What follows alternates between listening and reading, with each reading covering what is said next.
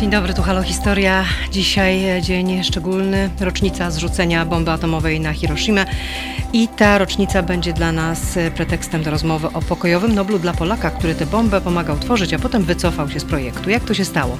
O tym już za chwilę nasz pierwszy gość. Zostańcie z Halo Historia. Marta Grzywacz, witam serdecznie. Proszę Państwa, kwadrans przed trzecią, 6 sierpnia 1945 roku z wyspy Tinian startuje superforteca B-29, którą jej dowódca pułkownik Paul Tibets nazwał Enola Gay, czyli panieńskim nazwiskiem swojej matki. Samolot ma na pokładzie bombę atomową. O godzinie 8.15 załoga Enola Gay nadlatuje nad Hiroshima i na spadochronach zrzuca bombę, która eksploduje 43 sekundy później.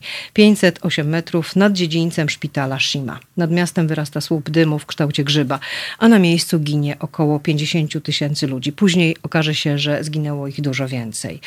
Że 70 tysięcy budynków na 76 istniejących e, zawaliło się. Jednak do kapitulacji już po zakończeniu II wojny światowej w Europie Japończyków e, skłoni dopiero drugi atak atomowy na Nagasaki, który nastąpi 9 sierpnia. A naszym gościem jest dzisiaj Marek Gurlikowski, dziennikarz, autor znakomitej książki Noblista z Nowolipek Józefa Rodblata Wojna o pokój. Dzień dobry Marku. Dzień dobry, witam Ciebie, witam słuchaczy. Zanim przejdziemy do opowieści o Twoim bohaterze, który przyczynił się do powstania tej bomby, a jednak dostał pokojową Nagrodę Nobla i prześledzimy ten ciekawy życiorys, to ja bym chciała, jeśli pozwolisz, e, przeczytać fragment z Twojej książki, fragment, który dotyczy właśnie ataku na Hiroshima. Myślę, że ofiary są tego warte, w hołdzie dla nich. Postaram się wybrać taki fragment, który nie jest bardzo no, ostry w swoim opisie, chociaż nie szczędziłeś czytelnika. Przed pierwszą szkołą średnią było dużo młodych chłopców, w tym samym wieku co mój syn, mówi ojciec, który stracił syna. A najwięcej żalu wzbudził we mnie widok leżącego martwego chłopca, po którym drugi chyba się czołgał, by uciec. Obaj spaleni byli na czarno. Na ulicach stoją szkielety tramwajów, wypełnione zwęglonymi pasażerami. Zupełnie jak w Pompejach widać postać kobiety z dzieckiem, spalonej w czasie biegu. Światło ognistej kuli bomby działa jak aparat fotograficzny. Na liściach drzew pozostał negatyw zwęglonych słupów. Na jasnej bluzce uczennicy zdjęcie kwiatów. Na schodach banku kształt po człowieku, a na roztopionym asfalcie cień kogoś, kto ciągnął wózek. Ludzie będący około 4 kilometrów od epicentrum doznają oparzeń od pierwszego do piątego stopnia. Fala ciepła i uderzeniowa sprawia, że poparzeni chodzą ze skórą zwisającą z ciała jak w łachmanach. Pięcioletnia dziewczynka. Niektórzy mieli spaloną skórę, która zwisała z rąk i policzków. Mieli czerwone i tak nabrzmiałe twarze, że nie można było rozpoznać, gdzie są oczy i usta. E, chciałabym zapytać, jak się czułeś pisząc to, ale chyba nie muszę. Więc tylko powiem, to że. Znaczy, no, ja może, znaczy nie chciałbym się tłumaczyć, dlaczego tak, jak e, powiedziałaś, nie, nie, nie oszczędzałem czytelnika, ale, mm, e, ale pomyślałem sobie, że no, trochę zapominamy, jak to, jak to było. To jest jakaś taka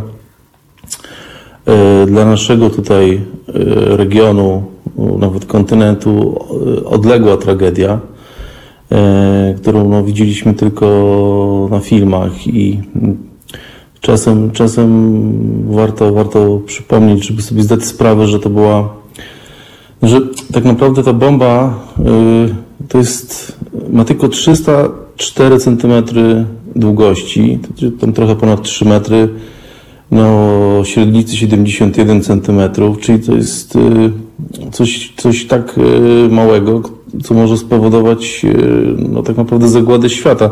I trochę się zapomina, że to była najmniejsza z bomb, które człowiek jakby e, czy e, najmniejsza, no najmniej, można tak powiedzieć bomb, paradoksalnie, że wszystkie następne były tysiąckrotnie mocniejsze, tak, które, które jakby sobie sami skonstruowaliśmy dla naszych no, sióstr i braci, których chcemy zabić, więc Zresztą Rodblat też, żeby uzmysłowić ludziom, e, to właśnie mówił, że podawał takie przykłady, że gdyby, gdyby ta bomba spadła na Londyn, to ile, ile dzielnic po prostu by się zamieniło w proch. No, no bo jakby ważne jest, żeby, żeby sobie zdać z tego sprawę, tak? Jaką to do, miało czego, siłę? do czego ludzie, tak, jaką to miało siłę i Biały Dom na przykład powiedział, że to jest, y, y, że to jest genialna bomba, tak, a y, że to jest największe w historii y, osiągnięcie zorganizowanej nauki. Ale Bertrand Russell powiedział, filozof brytyjski, że tak, że to jest jednocześnie geniusz, ale też i głupota ludzi, to, to, to, że coś takiego zostało stworzone. No i dlatego może te opisy są takie ostre, ale chyba muszą być. Tak, zdecydowanie. E, Twój bohater, mówimy oczywiście o Józefie Rotblacie, przyczynił się do powstania tej bomby, już wspomniałam o tym, a jednak dostał pokojową Nagrodę Nobla. I chciałabym, żebyśmy prześledzili jego bardzo ciekawy życiorys. Ja tylko powiem, że Józef Rotblat był Żydem, ale ostatnio Stanisław Skarżyński przypomniał anegdotę, jak pewna elegancka dama podczas przyjęcia w Londynie słuchała historii o jakimś właśnie oszałamiającym sukcesie czyimś i Historia ta uzupełniona była uwagą, że autor owego sukcesu jest polskim Żydem. Na co pani odpowiedziała, a kto nie jest, prawda? Więc tak, Józef Rotblat też był polskim Żydem i wychował się na warszawskich Nowolipkach. Y, Proszę bardzo, czyń powinność, Marku. Znaczy, nie, nie chciałbym tu całej książki e, opowiadać. Nie, nie. ją Powiedzmy tylko, że był synem taki- Furmana, prawda? Zwykłego, prostego człowieka. E, Tak, był, był synem Furmana, e, tak dokładnie to urodził się na ulicy Miłej, e, ale potem przeprowadzili się na e, Nowolipki i i Róg Smoczej. E, No i ciągnęło go do nauki. e, W jakiś No właśnie, nie chciał zostać rabinem, zupełnie prawda? niezwykły Tak, miał, ojciec, ojciec jego chciał, żeby, żeby został rabinem, ale jak tam, jak wspominał, no, w Czederze trochę no, nudził się, uważał, że to są po prostu takie klepane formuły i, i nie, no, jak to mówił później, musimy pamiętać, że no, ja uważam, że jakby nigdy do końca się nie poznaje kogoś, o, kim się pisze, bo tylko jesteśmy no, już po latach zdani na jakieś tam świadectwa, a nawet jak ten ktoś żyje, też nie zawsze powie prawdę, my też zawsze nie chcemy, żeby wszystko było wiadomo. No ale mm, Radbrat wspominał, że, że już w wieku 11 lat e, powiedział ojcu, że no po prostu to nie jest jego przyszłość, że nie chce tego robić i zaczytywał się w książkach e, popularno-naukowych, e, no i interesowały go nauki ścisłe. Oni, Rotblatowie byli bardzo biedni. Znaczy przed pierwszą, właśnie, bo to też jest ważne, bo on jakby przeżył dwie wojny e, w taki sposób, że zobaczył, jak, jak, jak bezsensowna jest wojna. Ta pierwsza wojna światowa zupełnie zrujnowała jego rodzinę, która była dość za, zamożna, e, handlowali papierem e, i zostali po prostu zupełnie, no, zbank, zbankrutował jego ojciec i dlatego się przeniósł te Nowolipki. No i nie było pieniędzy na taką szkołę, jaką, po prostu na gimnazjum, powiedzmy, przedwojenne, na czesne i poszedł do takiego czegoś, co, no, jest to dzisiejszy odpowiednik może szkoły zawodowej, znaczy nie chcę tutaj jakoś pomie- Deprecjonować, szkół no, zawodowych, oczywiście. ale no, Rotblat chciał, chciał żeby, to, żeby to było coś, żeby to było gimnazjum, chciał po prostu mieć maturę, tak, a on był w takiej zwykłej rzemieślniczej szkole i został elektrykiem. No i, i wtedy właśnie Warszawa zaczęła się elektryfikować i Ale no, to jest ciekawe. majstrem wiesz z torbą. Co, cie, ciekawe jest to, jak, jak spotykamy na swojej drodze właściwych ludzi, jak dużo szczęścia potrzeba, żebyśmy osiągnęli sukces. Jemu chyba to szczęście w tym momencie towarzyszyło.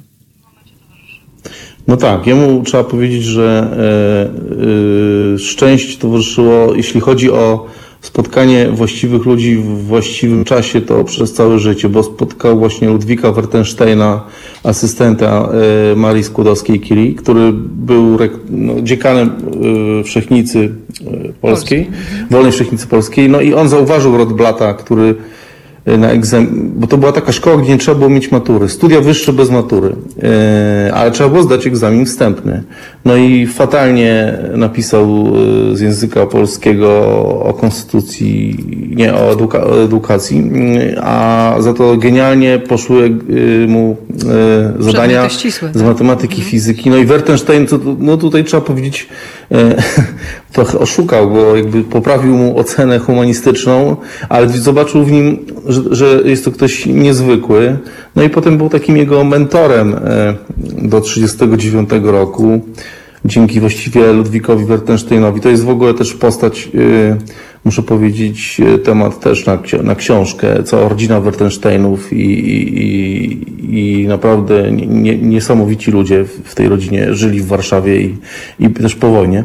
E, więc e, no on jakby wysłał Rotblata do, do swojego przyjaciela Jamesa Chadwicka, odkrywcy neutronu, na taki jakby staż.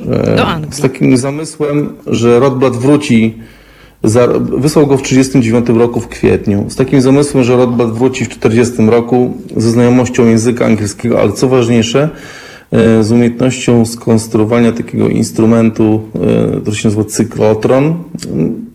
Nie będziemy tutaj może słuchaczy zanudzać, e, a fizycy pewnie by mnie skrytykowali, że nie wszystko powiem jak należy. No, Ale to chodziło o medycynę? Trzeba, po prostu to było do, do, do doświadczeń nad neutronami takie urządzenie. No i niestety Wybuchła wojna w 1939 roku i Rotblat e, został e, w Anglii, ale też Chadwick e, zauważył, że musimy tutaj powiedzieć, że no, Rotblat mimo że mówił po wojnie, że trochę znał angielski i francuski, no to jakby z, li, z listów dotarłem od, między Chadwickiem a Wertensteinem, no no nie znał, no po prostu nie znał ani słowa. Y, ale to też jakby świadczy o jego y, inteligencji takiej uporowi, że już po roku y, no, ale za, powiedzmy tak, nie znał angielskiego, ale za to ludzie nauki porozmawiają się językiem nauki. I Chadwick też zobaczył, że, to, że on jest genialnym eksperymentatorem i wyciąga odpowiednie wnioski z doświadczeń i właśnie wciągnął go do budowy no, czy znaczy budowy, to może za dużo powiedziane, no po prostu do prac nad tajną bronią e, i potem, e, kiedy właśnie doszło do porozumienia między Brytyjczykami i Amerykanami, że w Los Alamos w tajnej bazie będą pracowali nad bombą atomową, to Chadwick uważał, że jednym z członków misji brytyjskiej powinien być Józef Rodblat. No i tu jest taka e, dla nas może e, dosyć wzruszająca historia. E, był tam taki warunek, Amerykanie bali się, zresztą słusznie, że, że no bali się po prostu szpiegowania, tak? I był taki warunek, że tylko Brytyjczycy i Amerykanie mogą brać udział w tej misji, więc Większość kolegów Rotblata byli to też Żydzi, tylko że niemieccy, austriaccy, no ale też e, czescy, no po prostu przyjęło to obywatelstwo, żeby brać udział w, tym, w, ty, w tych doświadczeniach, a Rotblat powiedział, że nie zmienia się obywatelstwa jak płaszcza z okazji zmiany pory roku, jesiennego tak? na zimowy mhm. i po prostu nie, nie, nie zgodził się. Powiedział, że jest Polakiem że, że, że, że już niedługo wróci do Warszawy, jak tylko się ta wojna skończy. Myślał, że się skończy szybko. E, no i no, jest to jedyny e, człowiek z obywatelstwem polskim, który brał udział w, w projekcie Manhattan. Wszyscy znamy też e, oczywiście udział Stanisława Ulama, ale już Ulam miał obywatelstwo amerykańskie, biorąc udział w tym, w tym projekcie, a Rotblat z polskim paszportem, z wizą w, polskim, w polskim paszporcie amerykańską tam, tam pojechał. I on e, sobie pracuje no. nad tą bombą atomową w Stanach Zjednoczonych, a tymczasem w Europie toczy się wojna e, i ginie jego rodzina, albo może nie cała, no w każdym razie e, słuch ginie po jego żonie Toli. Ja ciekawa jestem, jak on się w tym tak. momencie tak. czuł, prawda? To taka, no też jest to paradoks dziejowy. No taki właśnie, on, on no, i, I, znowu jest ta, mm, ten bezsens wojny, który on widzi, tak, że, e, że właśnie tego, właśnie powiedzmy, że 6 sierpnia e, 75 e, lat temu on sobie zdaje sprawę z takiej sytuacji, że po pierwsze nie zdołał uratować żony, e, po drugie przyczynił się do śmierci też innych osób, tak? A jak on, jak mówił, y, tłumaczył się potem po wojnie, dlaczego w ogóle zdecydował się na, konstruowanie bomby atomowej, to właśnie mówił, że, że był, był, no, był naiwny. Uważał, że właśnie, że jeśli alianci pierwsi skonstruują bombę, to to wtedy Hitler nie skonstruuje swojej, ale potem bardzo często podkreślał, że to jest właśnie takie myślenie jest podstawą wyścigu zbrojeń, tak? Że my musimy mieć y, piersi bombę. No i że to, że to jest, że to jest złudne. On, co, co do Hitlera to mówił, że przecież się okazało, że był takim szaleńcem, że i tak by tą bombę skonstruował, nawet gdyby Anglicy byli pierwsi, bo wysadziłby siebie i cały Berlin, więc jakby takie, takie myślenie zwalczał, tak? Zwalczał. Nie, nie, uważał, że wyścig zbrojeń jest to po prostu coś, co, co, co, co, co, nie ma kompletnie sensu, tak? A jak się Rotblatowi żyło w Stanach Zjednoczonych? W, tym, w tej zamkniętej przestrzeni. On, on, uważał, on uważał Amerykanów za, mm, no, za takich e, bardzo bogatych, ale niezbyt mądrych, niezbyt mądrych ludzi, którzy jednocześnie mają straszny apetyt na rządzenie światem, tak. To, to on jakby mm, jego ta europejskość yy, zupełnie w tych Stanach się, on się tam nie odnalazł, tak? Yy, z, z tych zachowanych listów on po prostu nie rozumie tego, tego, tego już wtedy, co może się trochę wydawać, może z jego przesadą, czy mnie to zaskoczyło, że on już wtedy mówił o takim konsumpcjonizmie Amerykanów że te reklamy mu przeszkadzały w audycjach radiowych, chociaż trochę to dziwne, bo u nas też przecież były reklamy, ale może jakoś no, no nie, nie, nie polubił e, e, Stanów Zjednoczonych, no i ze wzajemnością, no tak, właśnie. bo oni uważali, że, znaczy podejrzewali go, że, że, że szpieguje na rzecz Związku Radzieckiego. A na ile to było prawdopodobne, że tak było? Bo ty też dokładnie dosyć prześledziłeś te dokumenty. Czy to, znaczy, no, Trudno, trudno jakby, yy, yy, nie, no nie udało mi się jakby udowodnić, yy, że, że był, nie był. więc też że był. e, FBI się nie udało, nie udało udowodnić, że był, ale nie, nie, nie wydaje mi się, nie, nie, on po prostu yy, absolutnie to, to, to, to, to, to było, to było on, się, on się rzeczywiście w, niestety się tam, yy, przyjaźniąc, przyjaźniąc się z pewną kobietą, i mówiąc szczerze o swoich, e, swoim krytycznym stosunku do Stanów Zjednoczonych, e, nie wiedział, że jest podsłuchiwany i nie wiedział, że ta kobieta ma koleżankę, która jest jakby człowiekiem mm, no, donosi, FBI. Donosi FBI, no właśnie. Mhm. Donosi po prostu, donosi tak. i, i został wplątany w taką aferę szpiegowską, ale zawsze się śmiał, że jego, jego Amerykanie rzeczywiście podejrzewali, a obok pracował no po prostu prawdziwy szpieg, jego zresztą kolega, Klaus Fuchs, który no, no, no to jeśli Jakoś tak, obywatelstwo można, mu nie przeszkodziło. Nie, nie, absolutnie. Był właśnie, miał obywatelstwo amerykańskie, był, był niemieckim, niemieckim Żydem, e, komunistą i, e, i on e, no, jakby tak mi się wydaje, że, że rzeczywiście on zresztą potem został nagrodzony wieloma medalami przez Związek Radziecki, bo udało mu się jakoś tam, y, odbył karę w Wielkiej Brytanii, bo udowodnili to szpiegostwo. No, gdyby to było w Stanach, to by skończył na krześle elektrycznym, tak jak Rosenbergowie, ale mm, no, y, zawsze się Robert śmiał właśnie, że, że, czy później już, no wtedy to nie było śmieszne, ale już po, po latach, y, że był obok, tak, prawdziwy szpieg, i nie udało im się go znaleźć, a jego podejrzewali na podstawie właściwie plotek. E, no ale te, te plotki spowodowały, że on dosyć długo był e, inwigilowany przez FBI, nawet w Londynie. A potem jeszcze no, nadepnął na odcisk Amerykanom, tworząc organizację pokojową Pagosz. I do, niej, była, I do niej przejdziemy za moment. A teraz zrobimy sobie krótką przerwę na muzykę. Słuchajcie powtórki programu. Halo Radio.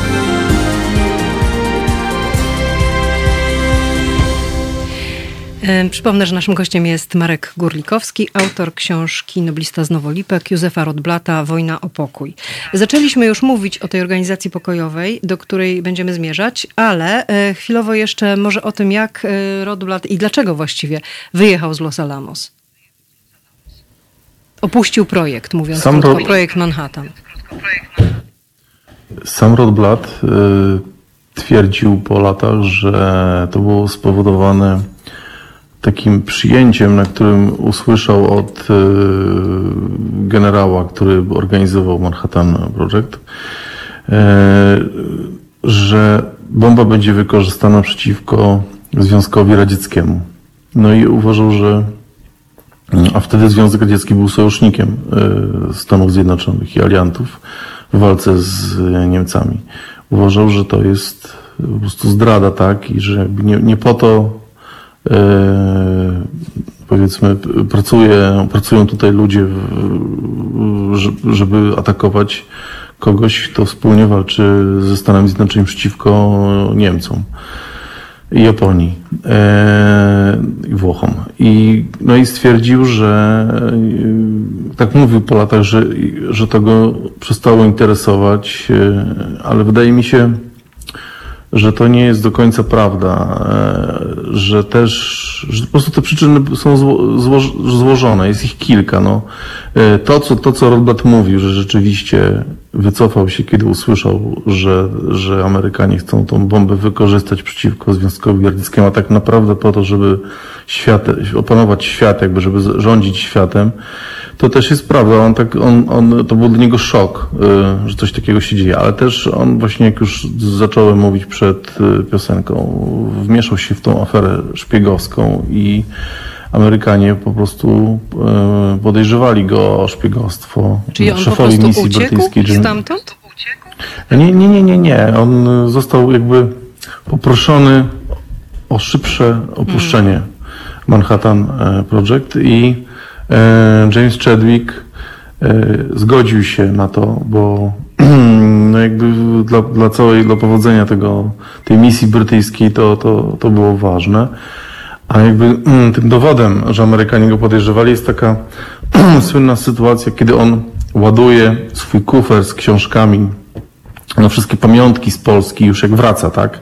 E, I, I między, bo wypływał z Nowego Jorku, między Waszyngtonem a Nowym Jorkiem, zdaje się, ten kufer po prostu ginie, tak? E, nigdy już go nie odnalazł. E, no i mimo licznych próśb, gruźb i listów, no po prostu gdzieś e, i on do końca życia mówił i był przekonany i prawdopodobnie miał rację, że FBI mm, przejęło ten, ten kufer, e, te jego wszystkie osobiste rzeczy, bo bało się, że wywiezie gdzieś, nie wiem, ukryte, schowane plany bomby atomowej. I on nigdy nie, nigdy nie odzyskał to był, ty- tych rzeczy. To było dla niego bardzo bolesne, bo mówił, że on tam też gromadził książki e, na temat fizyki jądrowej, które miały e, wzbogacić bibliotekę w Warszawie e, w tej pracowni radiologicznej, która przy, przy Śniadeckich 8, e, no zdjęcia żony, listy, no to wszystko po prostu zniknęło. Mm, Nawet się e,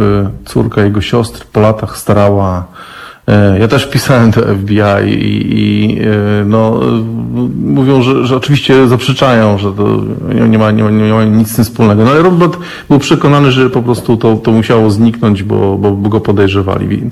No i też pamiętajmy to, co mówiłem, on miał to obywatelstwo polskie i żeby przebywać dłużej w Stanach, to musiał mieć przedłużoną wizę.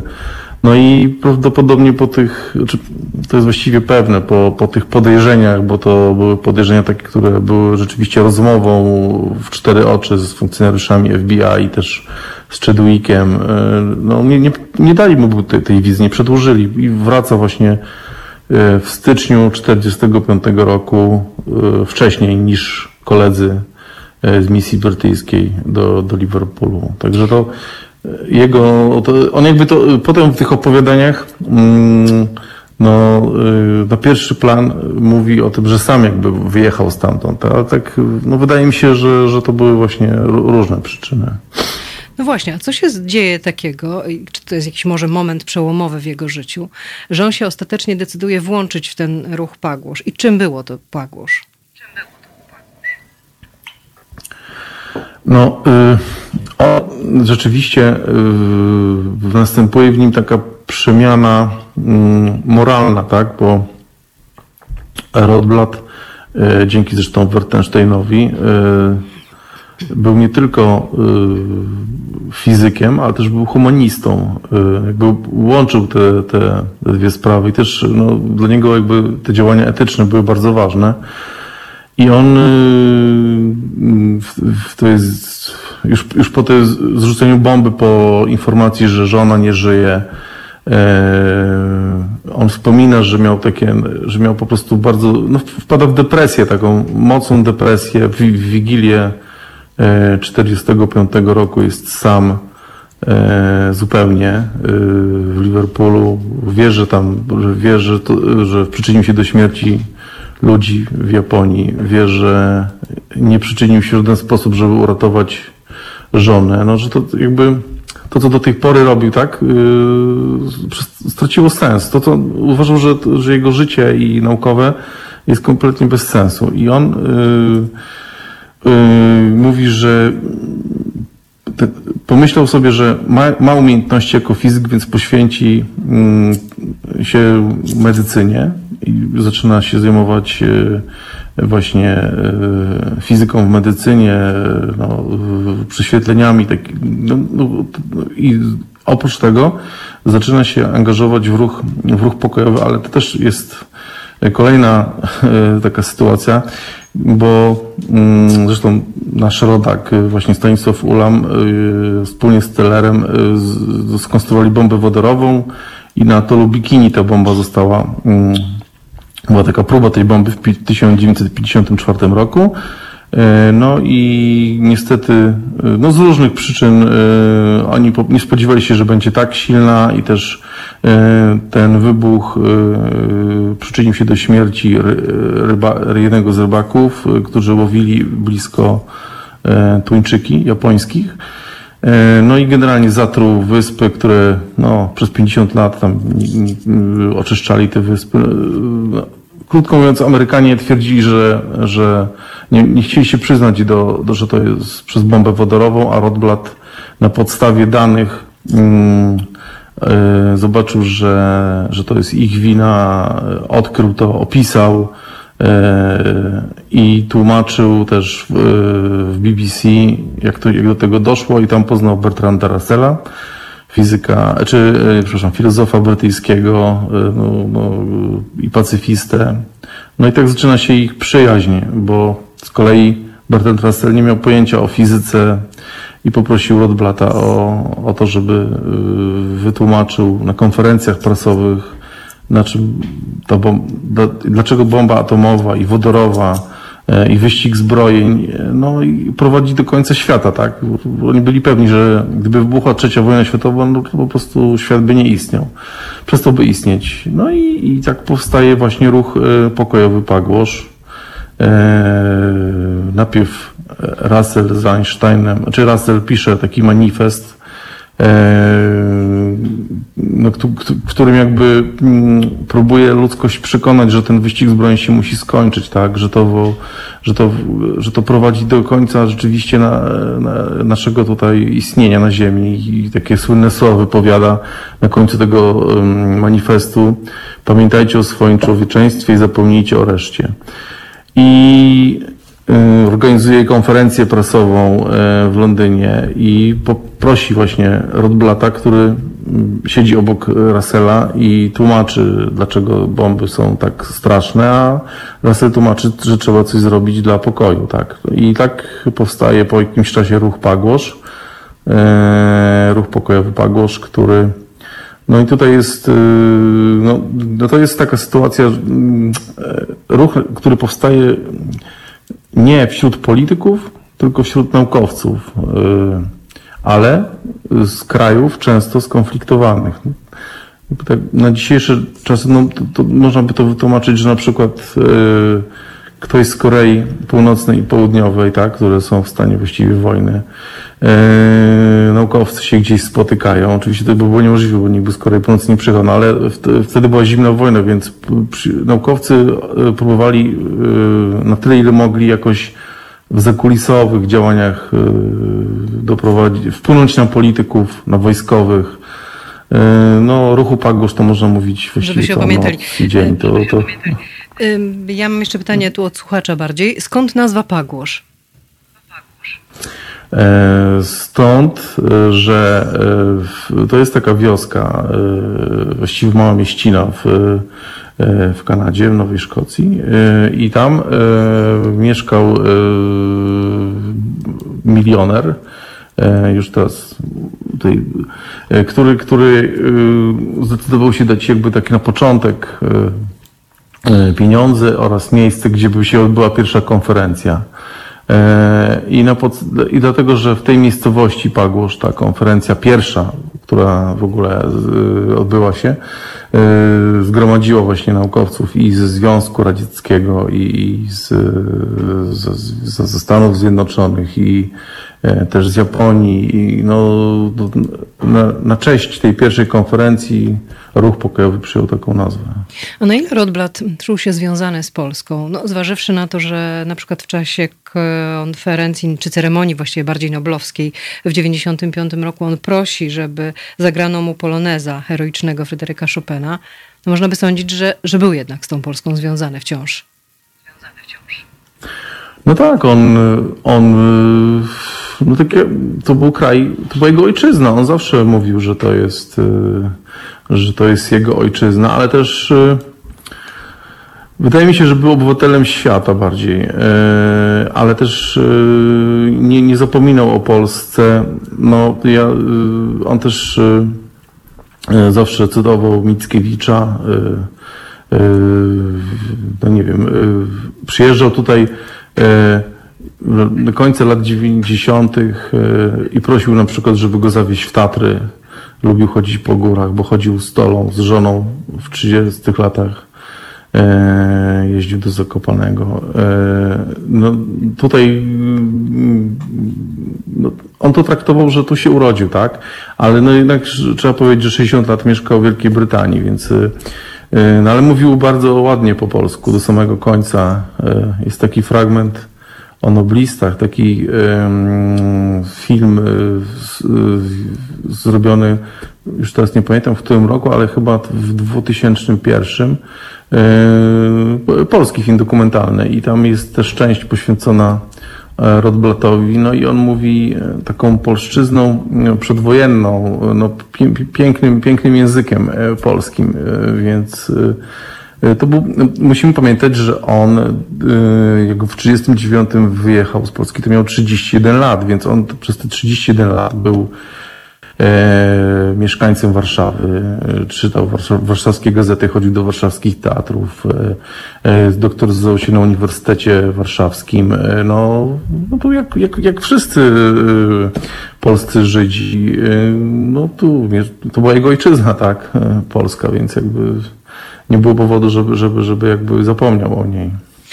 No i też on nie przeżył bezpośrednio, przepraszam, przepraszam, to też jest ważne, on, trzeba powiedzieć, że on nie przeżył jakby Holokaustu, nie było go tutaj, tak? Y, Kiedy tu się działo piekło. On był w Wielkiej Brytanii, więc też w porównaniu z jego rodziną najbliższą albo siostrzenicą, on, jego stosunek do Polaków nie był aż tak ostry, tak? On, y, ten antysemityzm nie, on wiedział, że jest, ale jakoś nie, nie, Nie zniszczył zmienił go. jego stosunku do, do nie zniszczył go, tak.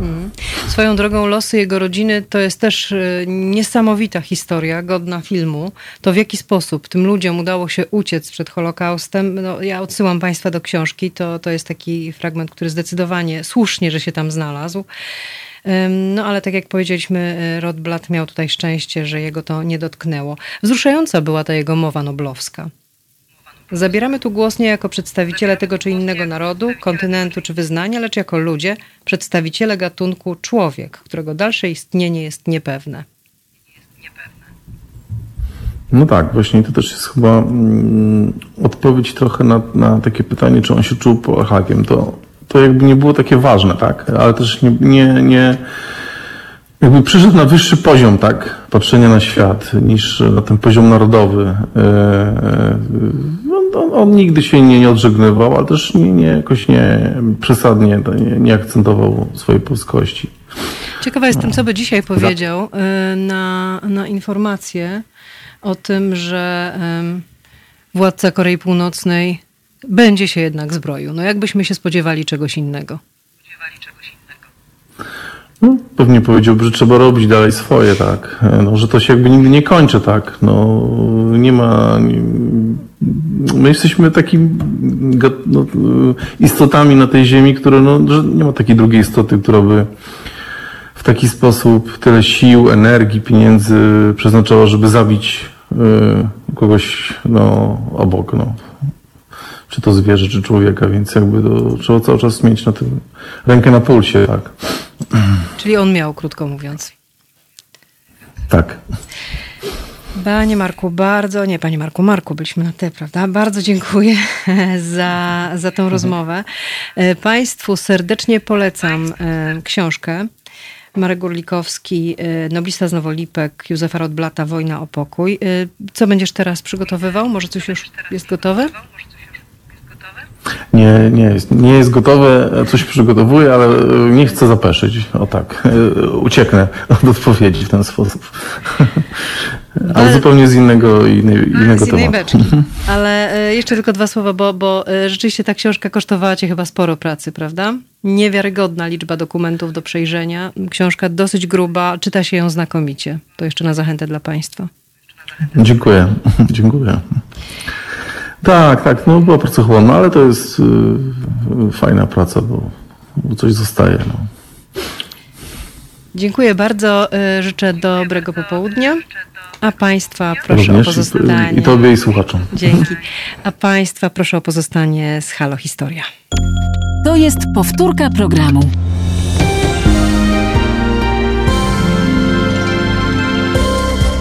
Halo Radio. Pierwsze medium obywatelskie.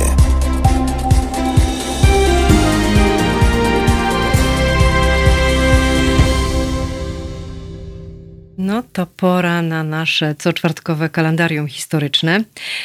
Spójrzmy, co się wydarzyło 6 sierpnia w historii. 6 sierpnia 1890 roku w więzieniu stanowym Auburn w Nowym Jorku wykonano pierwszą w historii egzekucję z pomocą krzesła elektrycznego. Stracony został William Kemmler, który rok wcześniej zabił się kierą konkubiny.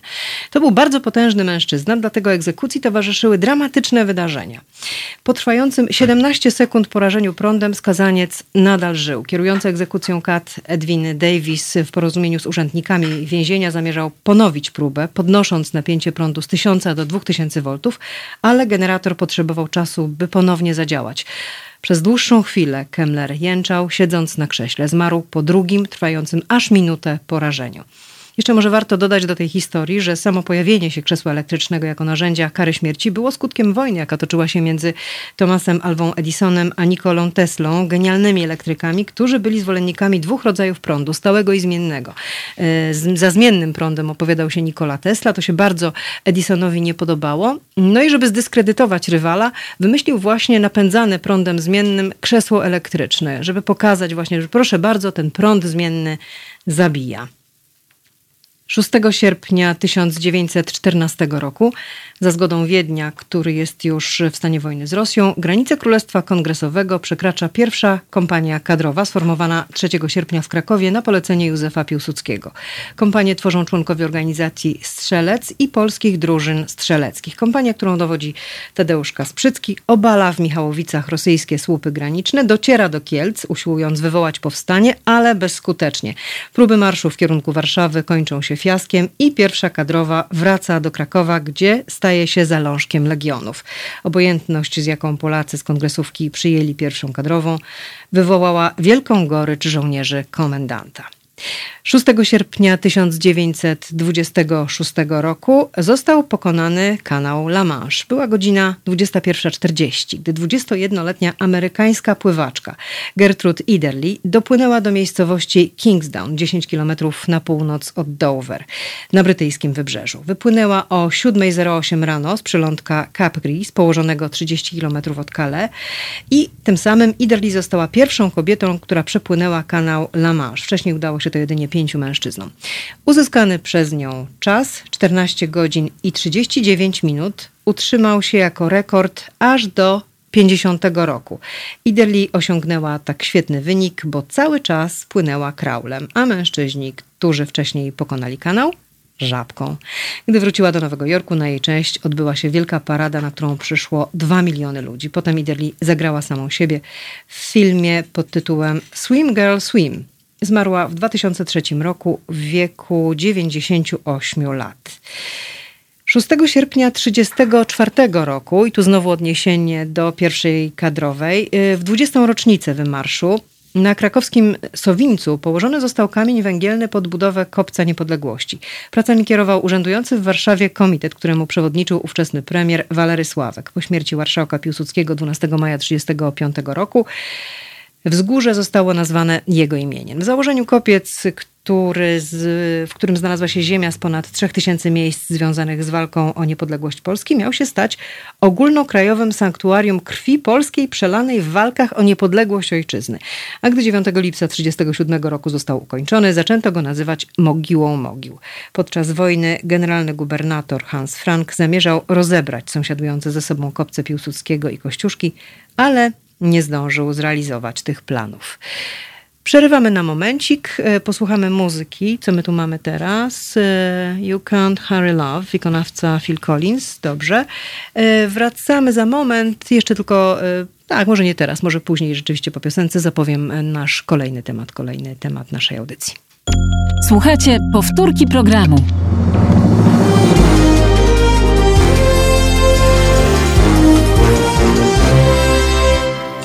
Tu Halo Historia, Marta Grzywacz raz jeszcze. Dzień dobry, zapraszam na ciąg dalszy audycji. Mamy piękny sierpniowy dzień, kolejną rocznicę Powstania Warszawskiego, które właśnie w takie ciepłe, czasami burzowe dni się toczyło. Mnie to zawsze bardzo, bardzo porusza, kiedy, kiedy widzę to słońce i myślę sobie, że właśnie w taki dzień jak dzisiaj, właśnie 6 sierpnia, um, do, właściwie dogorywała wola, ponieważ trwała rzeź woli. O tych tragicznych wydarzeniach Powstania Warszawskiego e, już za chwilę będzie mówił nasz kolejny gość. My jeszcze na moment robimy sobie małą przerwę i łączymy się z Państwem i gościem tuż po 18. To jest powtórka programu.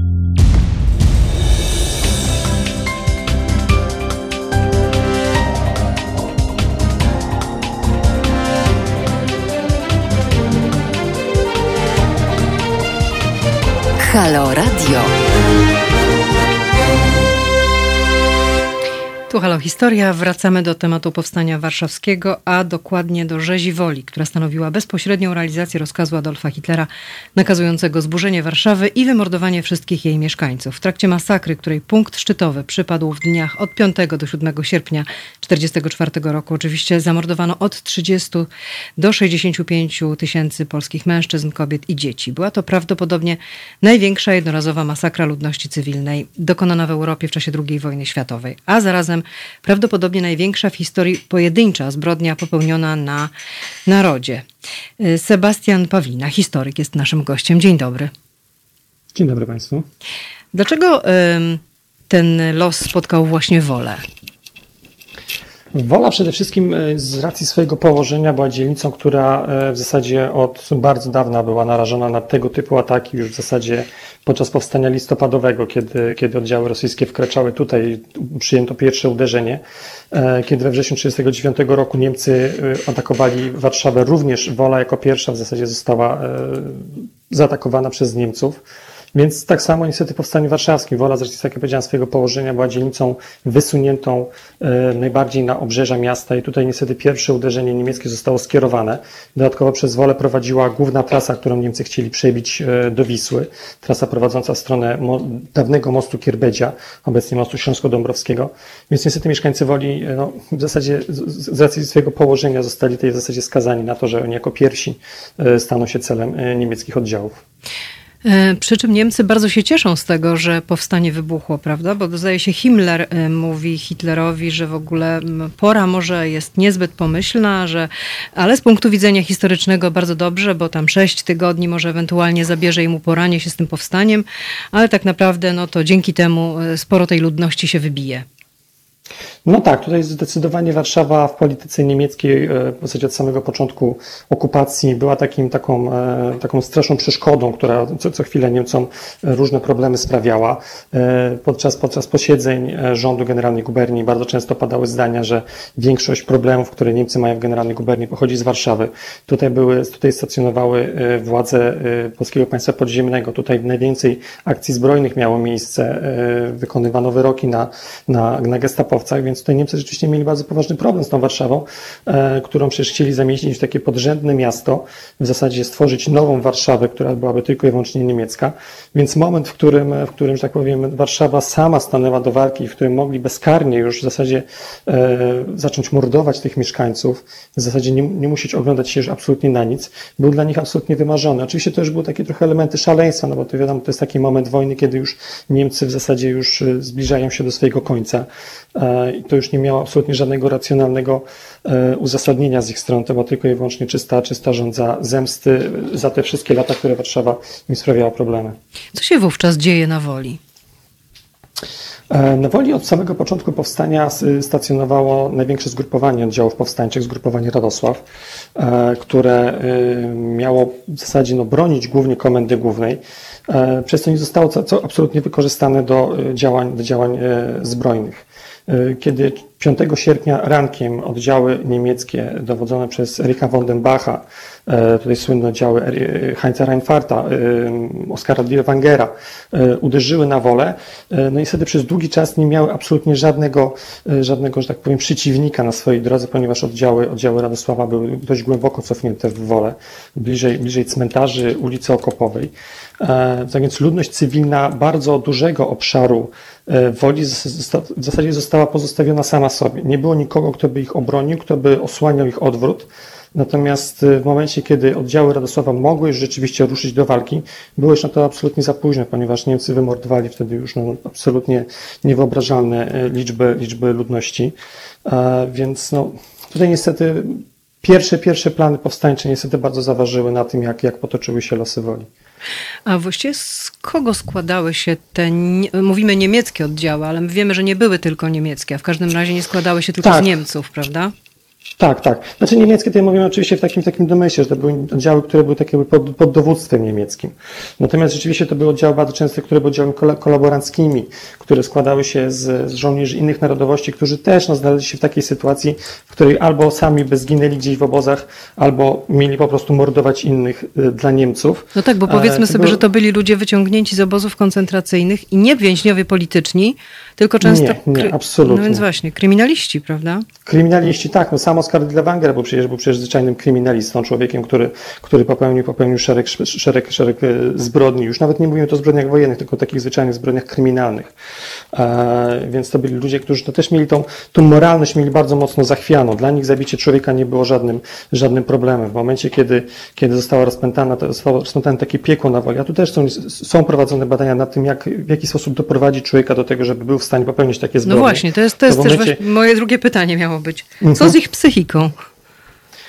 No tutaj w zasadzie to jest, y, tutaj mówimy o roku 44, to jest już piąty rok wojny, to jest moment, w którym, w którym e, potężna część e, ludności mieszkającej w Europie e, w ten czy inny sposób zetknęła się ze śmiercią. Bardzo poważna część była zaangażowana w, ten, w, ten, w tą, tą niesamowitą machinę uśmiercania ludzi. To byli ludzie, którzy na początku być może mieli jeszcze jakieś skrupuły, tutaj tego oczywiście nie da się wykluczyć, natomiast z czasem, kiedy, kiedy obserwowali, że to w jaki sposób postępują z innymi ludźmi, którzy są dla nich, są traktowani jako ludzie gorsi, tak jako podgatunek człowieka. Kiedy widzieli, że za to, że za kogoś zabiją, kogoś okradną, nic im się nie dzieje, automatycznie się napędzali. To stawało się dla nich tak jakby czymś absolutnie normalnym. Oni w zasadzie idąc, idąc y, mordować ludzi, y, czy to jeszcze przed Warszawą, przed rokiem 1944, czy już w samej Warszawie na woli, oni czuli się trochę tak, jakby szli do pracy. Mhm. A na ile w, no, w tym ich działaniu mogły odgrywać rolę wiem, leki psychotropowe, alkohol? Bo to nie było zwykłe no, strzelanie do ludzi, prawda? Nie, nie, absolutnie. Tutaj, I tutaj też, tutaj też absolutnie jak najbardziej są, są e, prowadzone badania. Oczywiście o, samym, o samych ludziach, którzy e, prowadzili e, tą akcję eksterminacji woli, też nie wiemy specjalnie dużo. To niestety przez bardzo długi czas nie, był, nie, był, nie było coś, co zajmowało z historyków, tutaj bardziej zajmowano się tą drugą stroną, czyli ofiarami. Starano się odtworzyć to, w jakiej, kto zginął, gdzie zginął, ile osób zginęło. Natomiast samymi oprawcami w zasadzie się nie zajmowano. Natomiast są badania prowadzone na generalnie na ludziach, którzy przeprowadzali masowe mordy w czasie II wojny światowej. Głównie one dotyczą tej tak zwanych Einsatzgruppen, które działały na wschodzie. E, I tutaj są wyraźne przykłady na to, e, jak ludzie tacy ludzie jadąc na wykonanie takiego zadania, bo to nie było po prostu zadanie, wymordowanie tej czy innej wioski, na samym początku dostawali po prostu, nie wiem, pół litra wódki, tak, żeby mogli się napić, zapomnieć i w takim, takim, takim odurzeniu, w takim, w takim półśnie po prostu mordować tych ludzi, dzięki czemu być może z czasem też troszkę ich wrażliwość była dodatkowo przytępiana przez to. E, zaczęliśmy mówić o tych oddziałach e, Dirlewangera e, i ja gdzieś czytałam, ale nie wiem ile w tym jest prawdy, że byli tam oczywiście nie tylko Niemcy, Ukraińcy, ale też Rosjanie, Francuzi. Francuzi? Skąd tam Francuzi? No chyba, o Francuzach, też... przyznam szczerze, o Francuzach przyznam szczerze nie słyszałem. Tutaj być może, być może oczywiście... No może jakieś przekłamanie. No, przy, przy, takich, przy takich, przy, ale, ale to też to trzeba też pamiętać troszkę, że przy takich oddziałach, takich, takich mieszanych gdzieś mogły się znaleźć jakieś jednostki, które, które gdzieś, gdzieś tam się e, zaplątały w takim, w takim oddziale. E, natomiast rzeczywiście, rzeczywiście rosyjskie oddziały kolaboracyjne jak najbardziej działały, natomiast one działały głównie na, na Ochocie. Tutaj wola, wola miała, miała tak powiem, jeżeli chodzi o, o, o tych, którzy mordowali troszkę inny skład e, etniczny, natomiast rzeczywiście oddziały, oddziały rosyjskie działały na Ochocie i tam też się dopuściły strasznych zbrodni. E, brygada, brygada Kamińskiego, która na Zieleniaku e, zamordowała, zgwałciła naprawdę no, dziesiątki, dziesiątki tysięcy warszawiaków. I w zasadzie no, jest troszkę, troszkę pozostaje w cieniu tego, tego, tego co robili żołnierze Reinfarta i Dirlewangera na Woli, ale to też jest no, przerażający rozdział Powstania Warszawskiego. Właśnie mówi się, że zbrodnią na Woli dowodzili tacy psychopaci, że nawet hitlerowcy później stawiali ich przed własnym plutonem egzekucyjnym. E, no, to też jest takie, mam wrażenie, troszkę element, element takiego e, próby, próba pokazania, że tego typu zachowania nie były akceptowane przez, przez, nie wiem, przez Wehrmacht, przez SS, które miało powiedzmy jakieś zasady, co jest oczywiście, no w, pewien, w pewnym stopniu to jest prawda, że ci ludzie byli stawiani przed sądami, natomiast nie dlatego, że dopuszczali się takich zbrodni. E, tutaj pamiętajmy, że ludzie, którzy stawiali przed sądami, to byli ludzie, którzy bardzo często byli zaangażowani w tworzenie obozów koncentracyjnych, obozów zagłady. Ludzie, którzy mieli na swoim sumieniu absolutnie nie niewyobrażalne ilości ludzkich istnień.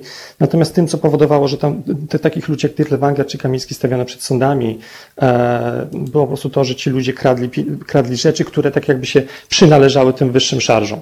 E, tu absolutnie nie wchodziła w grę żadna moralność, to była tak powiem, zwykła, zwykła walka o łupy e, i nic więcej. Do kulminacji dochodzi 5 sierpnia chyba, prawda?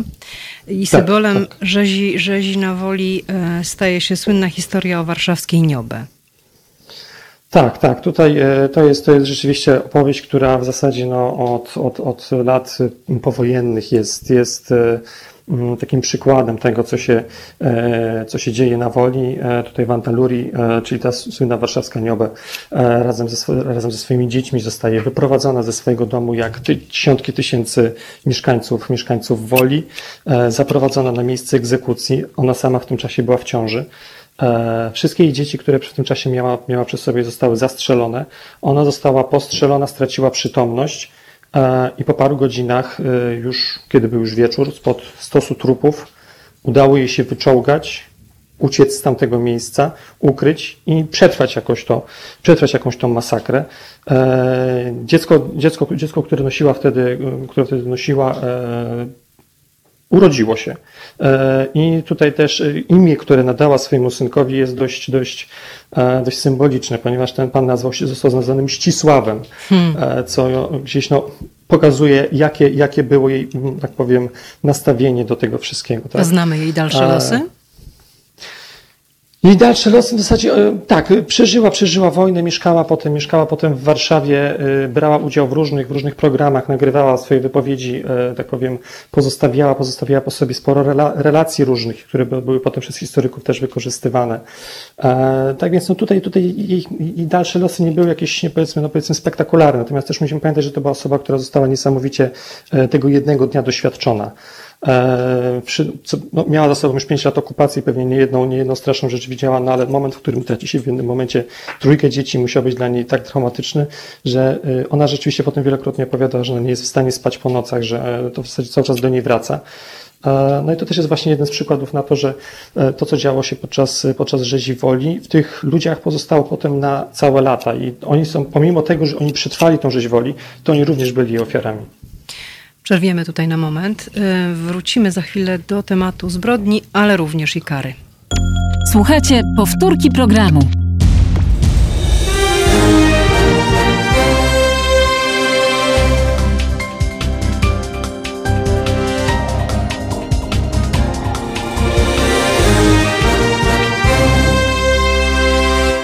Wracamy do rozmowy z panem Sebastianem Pawiną, historykiem. E, powiedzmy sobie może, kim był Heinz Reinefart. E, historia określa go jako katawoli. E, Heinz Reinefart był takim typowym przykładem niemieckiego, niemieckiego oficera, który swoją karierę rzeczywiście podczas wojny bardzo mocno rozwinął. Był, był, był specjalistą w mordowaniu ludzi, w przeprowadzeniu akcji likwidacyjnych. E, był człowiekiem, który, który no, z jednej strony był człowiekiem na poziomie, bo z tego co pamiętam był, był doktorem prawa, więc to, to, to, tak, to też jest dość typowe, że generalnie elita, elita SS, Gestapo e, to byli ludzie, którzy mieli ze sobą e, studia wyższe. No i był człowiekiem, który przede wszystkim, przede wszystkim za swoje zbrodnie nie poniósł absolutnie żadnej odpowiedzialności. No właśnie, bo on dowodził, powiedzmy sobie jeszcze, że dowodził właściwie masakrą na woli, prawda? E, tak, tak. Oczywiście nad sobą miał jeszcze e, Ericha von tak, czyli tego głównodowodzącego niemieckich, niemieckich, e, tych niemieckich oddziałów, które pacyfikowały Warszawę. Natomiast rzeczywiście człowiekiem, który, który kierował pacyfikacją woli bezpośrednio był właśnie Heinz Reinefart. Są takie słynne zdjęcia z jednej z, z, z ulic na Woli, gdzie, gdzie stoi sobie przy takim autobusie razem ze swoimi sztabowcami nad mapą i wskazują kolejne, kolejne rejony Woli, na które trzeba uderzyć, gdzie trzeba ludność wymordować, bo też, bo też tutaj musimy sobie jedną rzecz powiedzieć, powiedzieć, że tak na dobrą sprawę oddziałom niemieckim przydarcie się przez wolę y, zajęło, zajęło no, kilka dni, tak? To było dwa, trzy dni przebijania się, a tak na dobrą sprawę, gdyby im na tym zależało, to by im to zajęło pół dnia. Dlaczego zajęło im to tak dużo? Ponieważ większość czasu poświęcali na mordowanie, e, na mordowanie ludzi. E, nawet w pewnym momencie w, w, w telegramie do dowódcy niemieckiej dziewiątej armii pojawia się takie zdanie e, właśnie napisane przez Reinharta, że on nie wie, co on ma zrobić z ludźmi, których łapie, ponieważ zaczyna mu już po prostu brakować amunicji do ich zabijania. Hmm, a rozkaz był, żeby wybić wszystkich do nogi. E, tak jest, dokładnie tak. Heinz Reinefart po wojnie właściwie zrobił karierę, można by powiedzieć. Nie tylko nie poniósł kary, co wręcz karierę zrobił. Tak, absolutnie. Gdybyśmy mieli powiedzmy wskazać taką właśnie trójkę, która, która jest w największym stopniu odpowiedzialna za rzeź woli, właśnie, czyli Wondenbach, Reinefart y, i Dirlewanger, mhm. mm, to okazałoby się, że właśnie, właśnie z tej trójki największą karierę zrobił Reinefart. Dirlewanger zginął zaraz po wojnie, Wondenbacha w czasie różnych procesów co chwila wsadzano do więzienia, wypuszczano go z więzienia. Natomiast e, Reinefart w zasadzie po tym, jak rzeczywiście przez pierwsze parę lat po wojnie był, był świadkiem w różnych procesach, y, to on tak naprawdę nigdy za swoje zbrodnie nie odpowiedział.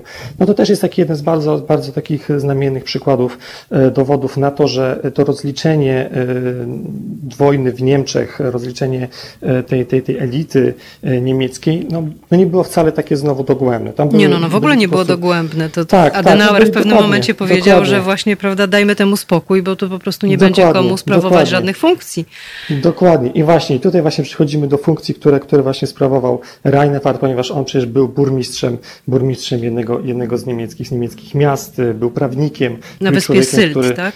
Na wyspie Sylt, tak, dokładnie. Z tego, co nawet pamiętam, on tam potem był bardzo chwalony za to, że zamienił tą wyspę w taki kurort nadmorski, e, gdzie, ludzie, gdzie ludzie bardzo lubili przyjeżdżać. I on nigdy, i on nigdy nie poniósł odpowiedzialności za to, co zrobił. Polska strona próbowała, e, tak powiem, wyciągnąć go od aliantów i postawić go przed sądem. Natomiast dla aliantów on był zbyt cennym świadkiem. E, mógł po prostu obciążyć tych, którzy mieli być takimi kozłami ofiarnymi troszkę, którzy mieli, że tak powiem, właśnie odpowiedzieć za, za, całą, za całą trzecią Rzeszę.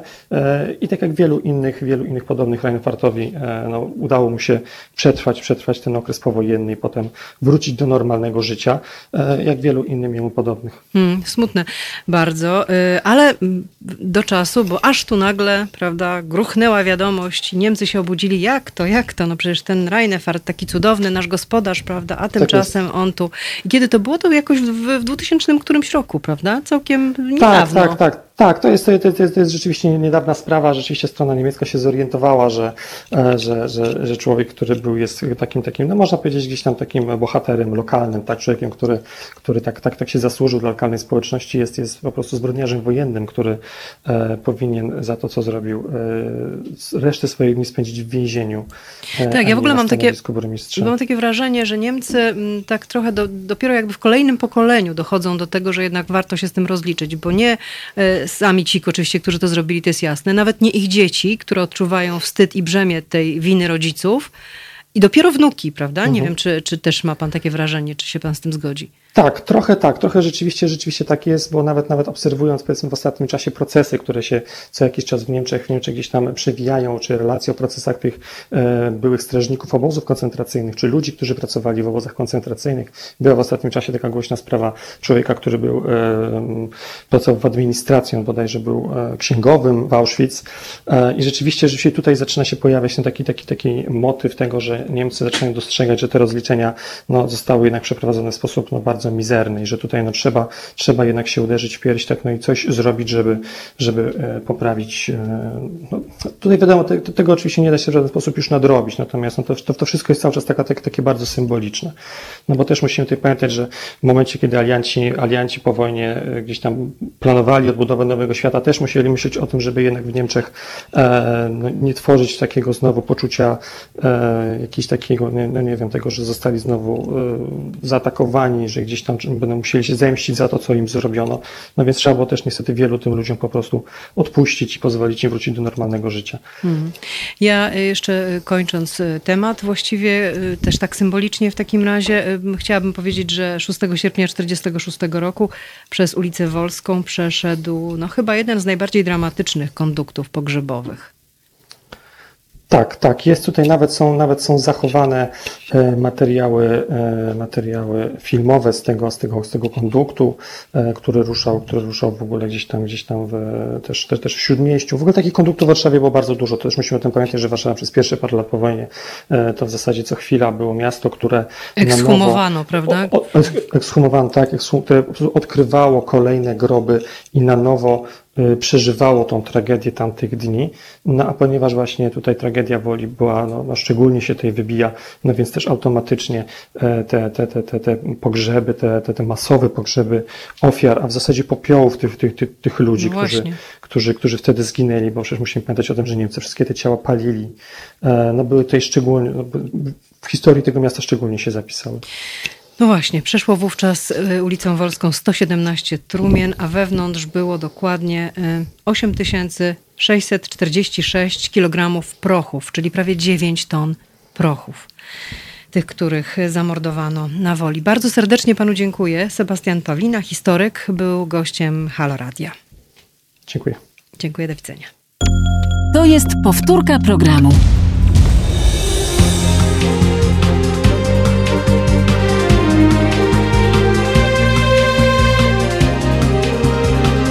Halo Radio.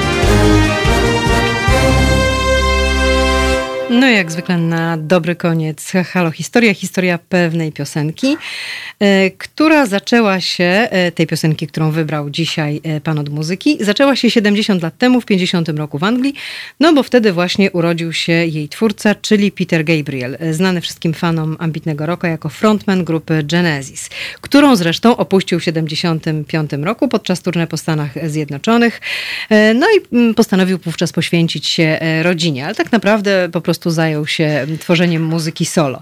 I jego wielkim solowym sukcesem okazał się album Soul z 86 roku. No i e, na tym właśnie albumie znalazła się nasza dzisiejsza piosenka, czyli duet Gabriela z Kate Bush, Don't Give Up. Jeśli ktoś sądzi, że właśnie tej piosenki będzie za chwilę słuchał, to nie, nie do końca. No tyle ode mnie. Na zachętę e, reszta w rękach naszego pana od muzyki Eugeniusza Brzezińskiego. Dzień dobry.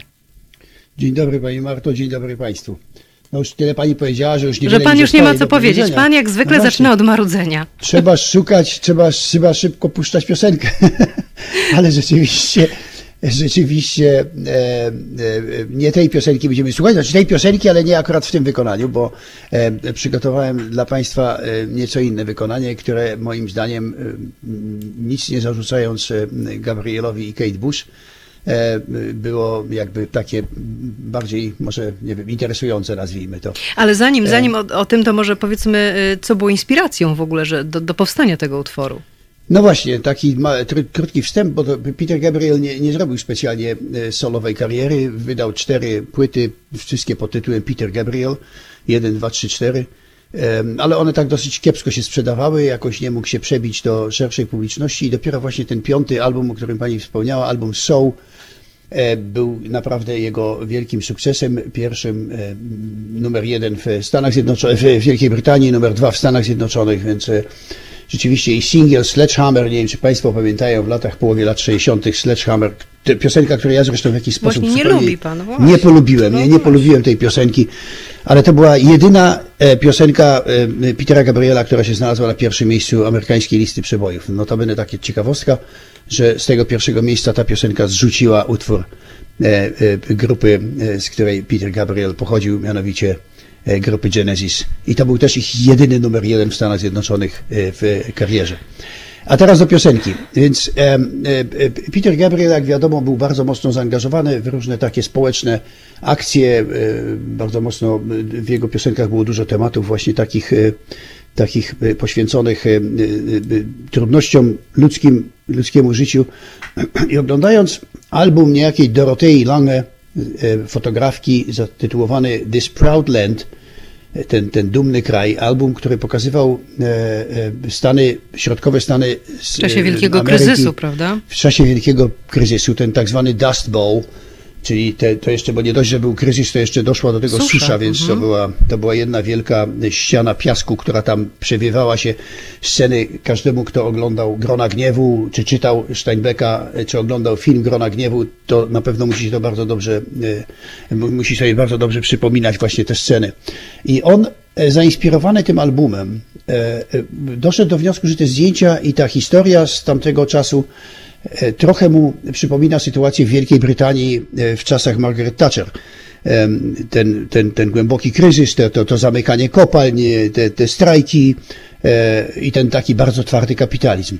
I właśnie o tym e, jest w zasadzie, no może nie o tym, ale tym jest inspirowana ta piosenka, która opowiada o losie mężczyzny, który właśnie utracił pracę i to, ta, ta jego utrata pracy jest źródłem wielkiego stresu w rodzinie.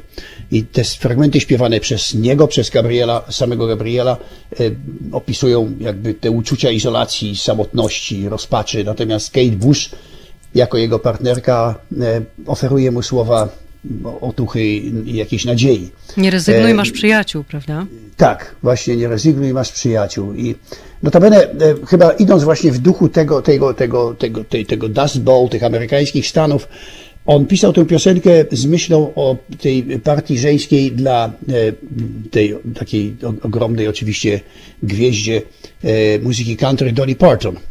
Ta jednak odmówiła. Nie, nie była zainteresowana, w związku z tym Kate Bush, która była przyjaciółką Gabriela, zaśpiewała i, i, i, i- i ta piosenka stała się tym, czym jest.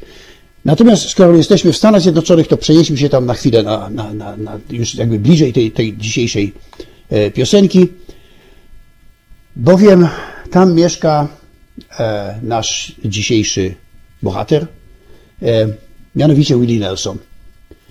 E, My wszyscy znamy Willego Nelsona z jego, jego zupełnie nietypowego, e, nie, nie, nie, nie, nietypowego stroju, nietypowego wyglądu, e, jako piosenkarza przede wszystkim country, ale to jest wszechstronny piosenkarz i wszechstronny w ogóle artysta. Człowiek, który właściwie śpiewa wszystko od, od, od evergreen i jazz i bluegrass i blues, aż nawet taki właśnie nowoczesny, ale też i tradycyjny country, który przez swoją długo, długo, długą karierę od 62 roku e, właściwie e, śpiewał wszystko. E, Ma w tej chwili 87 lat i wciąż występuje, wciąż wydaje płyty i w tej chwili w 2020 roku, uwaga, wyszedł jego 70 album. 70 płyt nagrał ten człowiek w swojej karierze. Jest również aktorem i zagrał w 49 filmach. Ja sobie to gdzieś to odnalazłem i do tego jeszcze napisał 9 książek. Więc właśnie, wydawałoby się, że, e, że ma zapewniony byt do końca swoich dni, prawda? A tymczasem A tymczasem zaangażował się w bardzo wiele jeszcze takich obocznych czy pobocznych, ale bardzo ważnych akcji. Między innymi w, w latach 80. razem z e, Molenkampem, e, z Johnem Molenkampem e, i z Chrisem Christophersonem założyli tak zwany Farm Aid. Wtedy walczyli właśnie o, o tych amerykańskich farmerów, których spotkało prawie to samo, co w czasach wielkiego kryzysu. Ogromna susza, ki- kiedy ci amerykańscy farmerzy właściwie nie mieli e, za co spłacać kredytów, kiedy, kiedy rzeczywiście śmierć zajrzała im w oczy. Oni e, e, e, zrobili, zorganizowali wielki koncert, oczywiście inspirowany Band Aid e, e, europejskim i, i, i zebrali mnóstwo pieniędzy na to. Ale oprócz tego on uczestniczy w wielu akcjach, na przykład na rzecz legalizacji marihuany. I walczy o prawa środowisk LGBT. E, Udziela się na rzecz ekologii. Jest, e, finansował dwie wielkie bio, e, masowe, nie wiem jak się nazywa, Czyli człowiek, biomasy. człowiek zasłużony, krótko mówiąc. Tak, człowiek- człowiek Dla bardzo wspierania zasłużony. społeczności szeroko I bardzo zaangażowany, bardzo zaangażowany w to. I nagle się okazało, że w 1990 roku, że tenże człowiek dzięki swojemu, swojemu temu księgowemu jest uwikłany w jakieś straszne długi w stosunku do e, IRS, czyli to jest tego, tego amerykańskiego urzędu podatkowego, który nagle próbuje z niego ściągnąć 32 miliony dolarów zaległych podatków. E, Znając Willie Nelsona i wiedząc, jak on mniej więcej wygląda, trudno sobie wyobrazić jego siedzącego za księgami swoimi e, finansowymi, więc rzeczywiście możemy tu zwalić winę na, na księgowego, ale wina niestety jest, nie jest przez to mniejsza i te 32 miliony trzeba było zapłacić. Willie nie ma zielonego pojęcia, co robić, więc robi to, co, w czym jest najlepszy, mianowicie nagrywa podwójny album pod tytułem The IRS Tapes, Who Buy My Memories, co w wolnym tłumaczeniu jest e, taśmy IRS-u, kto kupi moje wspomnienia. Płytę tę wydaje w 1992 roku i całą, cały nakład tej płyty przeznacza na to, żeby spłacić e, swoje długi. Niestety to nie wystarcza. I jego praktycznie cały majątek w Teksasie, który on ma, dom i tak dalej, posiadłość y, zostaje wystawiona na aukcję. I tu jest ciekawostka. I to jest rzecz bardzo charakterystyczna dla ludzi z kręgów właśnie muzyki country. Okazuje się, że na tę akcję przyjeżdżają wszyscy bardziej i mniej zamożni e, e, muzycy, e, e, przyjaciele e, Willie Nelsona. Przyjeżdżają na tę aukcję i kupują wszystkie towary wystawione na aukcję po cenie wywoławczej. Nie, nikt nie przebija, nikt nie ma prawa przebić czegokolwiek. Kupują je po cenie wywoławczej i oddają wszystko Wi- Wi- Williemu. Więc to była taka pierwsza bardzo e, podbudowująca historia, a druga jest taka, że ktoś padł na pomysł, że zrobimy wspólną płytę i wtedy rok później wydano album Across the Borderline, e, który jest właściwie taką współpracą z wielkimi, wielkimi gwiazdami e, muzyki pop i rocka i country, na której duety śpiewają e, m.in. David Crosby, Chris Christopherson, Bonnie Raitt, Bob Dylan, Paul Simon, więc wielkie, wielkie sławy. I na tej właśnie płycie znalazła się nasza dzisiejsza piosenka, piosenka Petera Gabriela Don't Give Up, Nie poddawaj się, która chyba jak bardzo mało, e, co, jak której tytuł przynajmniej, ale też cała wymowa tej piosenki pasowała do jego sytuacji. Miejsce Kate Bush zajęła Sinead O'Connor, bardzo kontrowersyjna irlandzka piosenkarka, która już wtedy była bardzo kontrowersyjna, bo e, publicznie w telewizji, w czasie programu telewizyjnego e, e, e, podarła, e, podarła portret papieża, e, naszego Jana Pawła II, e, e, wołając, że e, czas skończyć pedofilii i to było 9 lat przed przyznaniem się Jana Pawła II, że pedofilia w kościele istniała. Więc oczywiście w Ameryce w programie na żywo coś takiego było absolutnie, nieakceptowalne. E, Trzy tygodnie później na e, koncercie poświęconemu 30-leciu e, Boba Dylana Sinead O'Connor została wygwizdana, wybuczana i, i, i, i Amerykanie nie chcieli jej słuchać, nie pozwolili jej śpiewać rzeczywiście nie zaśpiewała, ze łzami wyszła ze sceny w jakiś sposób kojona przez Christa Christophersona. Niemniej em, polecono e, e, Williamu Nelsonowi właśnie ją jako wokalistkę, bo też znowu miała Dolly Parton tę rolę zaśpiewać, ale była nieuchwytna. Następnego dnia Sinead O'Connor przyszła do studia i zaśpiewała, zaśpiewała e, z, z Nelsonem tę piosenkę. Myślę, że. E, Aha, jeszcze warto wspomnieć, że z samego tego, tego, tego singla, z tej piosenki, która wyszła, która wyszła też na singlu, zebrano podobno ponad 300 tysięcy dolarów, które podarowano właśnie Nelsonowi, żeby mógł zwrócić te długi. Wszystko się szczęśliwie skończyło. Willie Nelson do końca lat 90. spłacił wszystkie długi, więc teraz znowu śpiewa chyba na swój własny rachunek i to jest chyba e, w tym wszystkim bardzo, bardzo pozytywne. Budujące. E, Ja myślę, że przy całym szacunku dla Dolly Parton, e, którą bardzo lubię osobiście i bardzo szanuję za wszystko, co ona zrobiła, e, e, myślę, że jej brak nie zaszkodził żadnej z tych wersji, które my znamy, a wykonanie właśnie Willie Nelsona i Sinead O'Connor, jeżeli o mnie chodzi, to po prostu chwyta za serce. I to wykonanie Państwu dzisiaj polecam. Dziękuję bardzo. Dziękuję bardzo. E, Żegnamy się. Pan od muzyki Eugeniusz Breziński powiedział do widzenia. E, Ja również do następnego czwartku.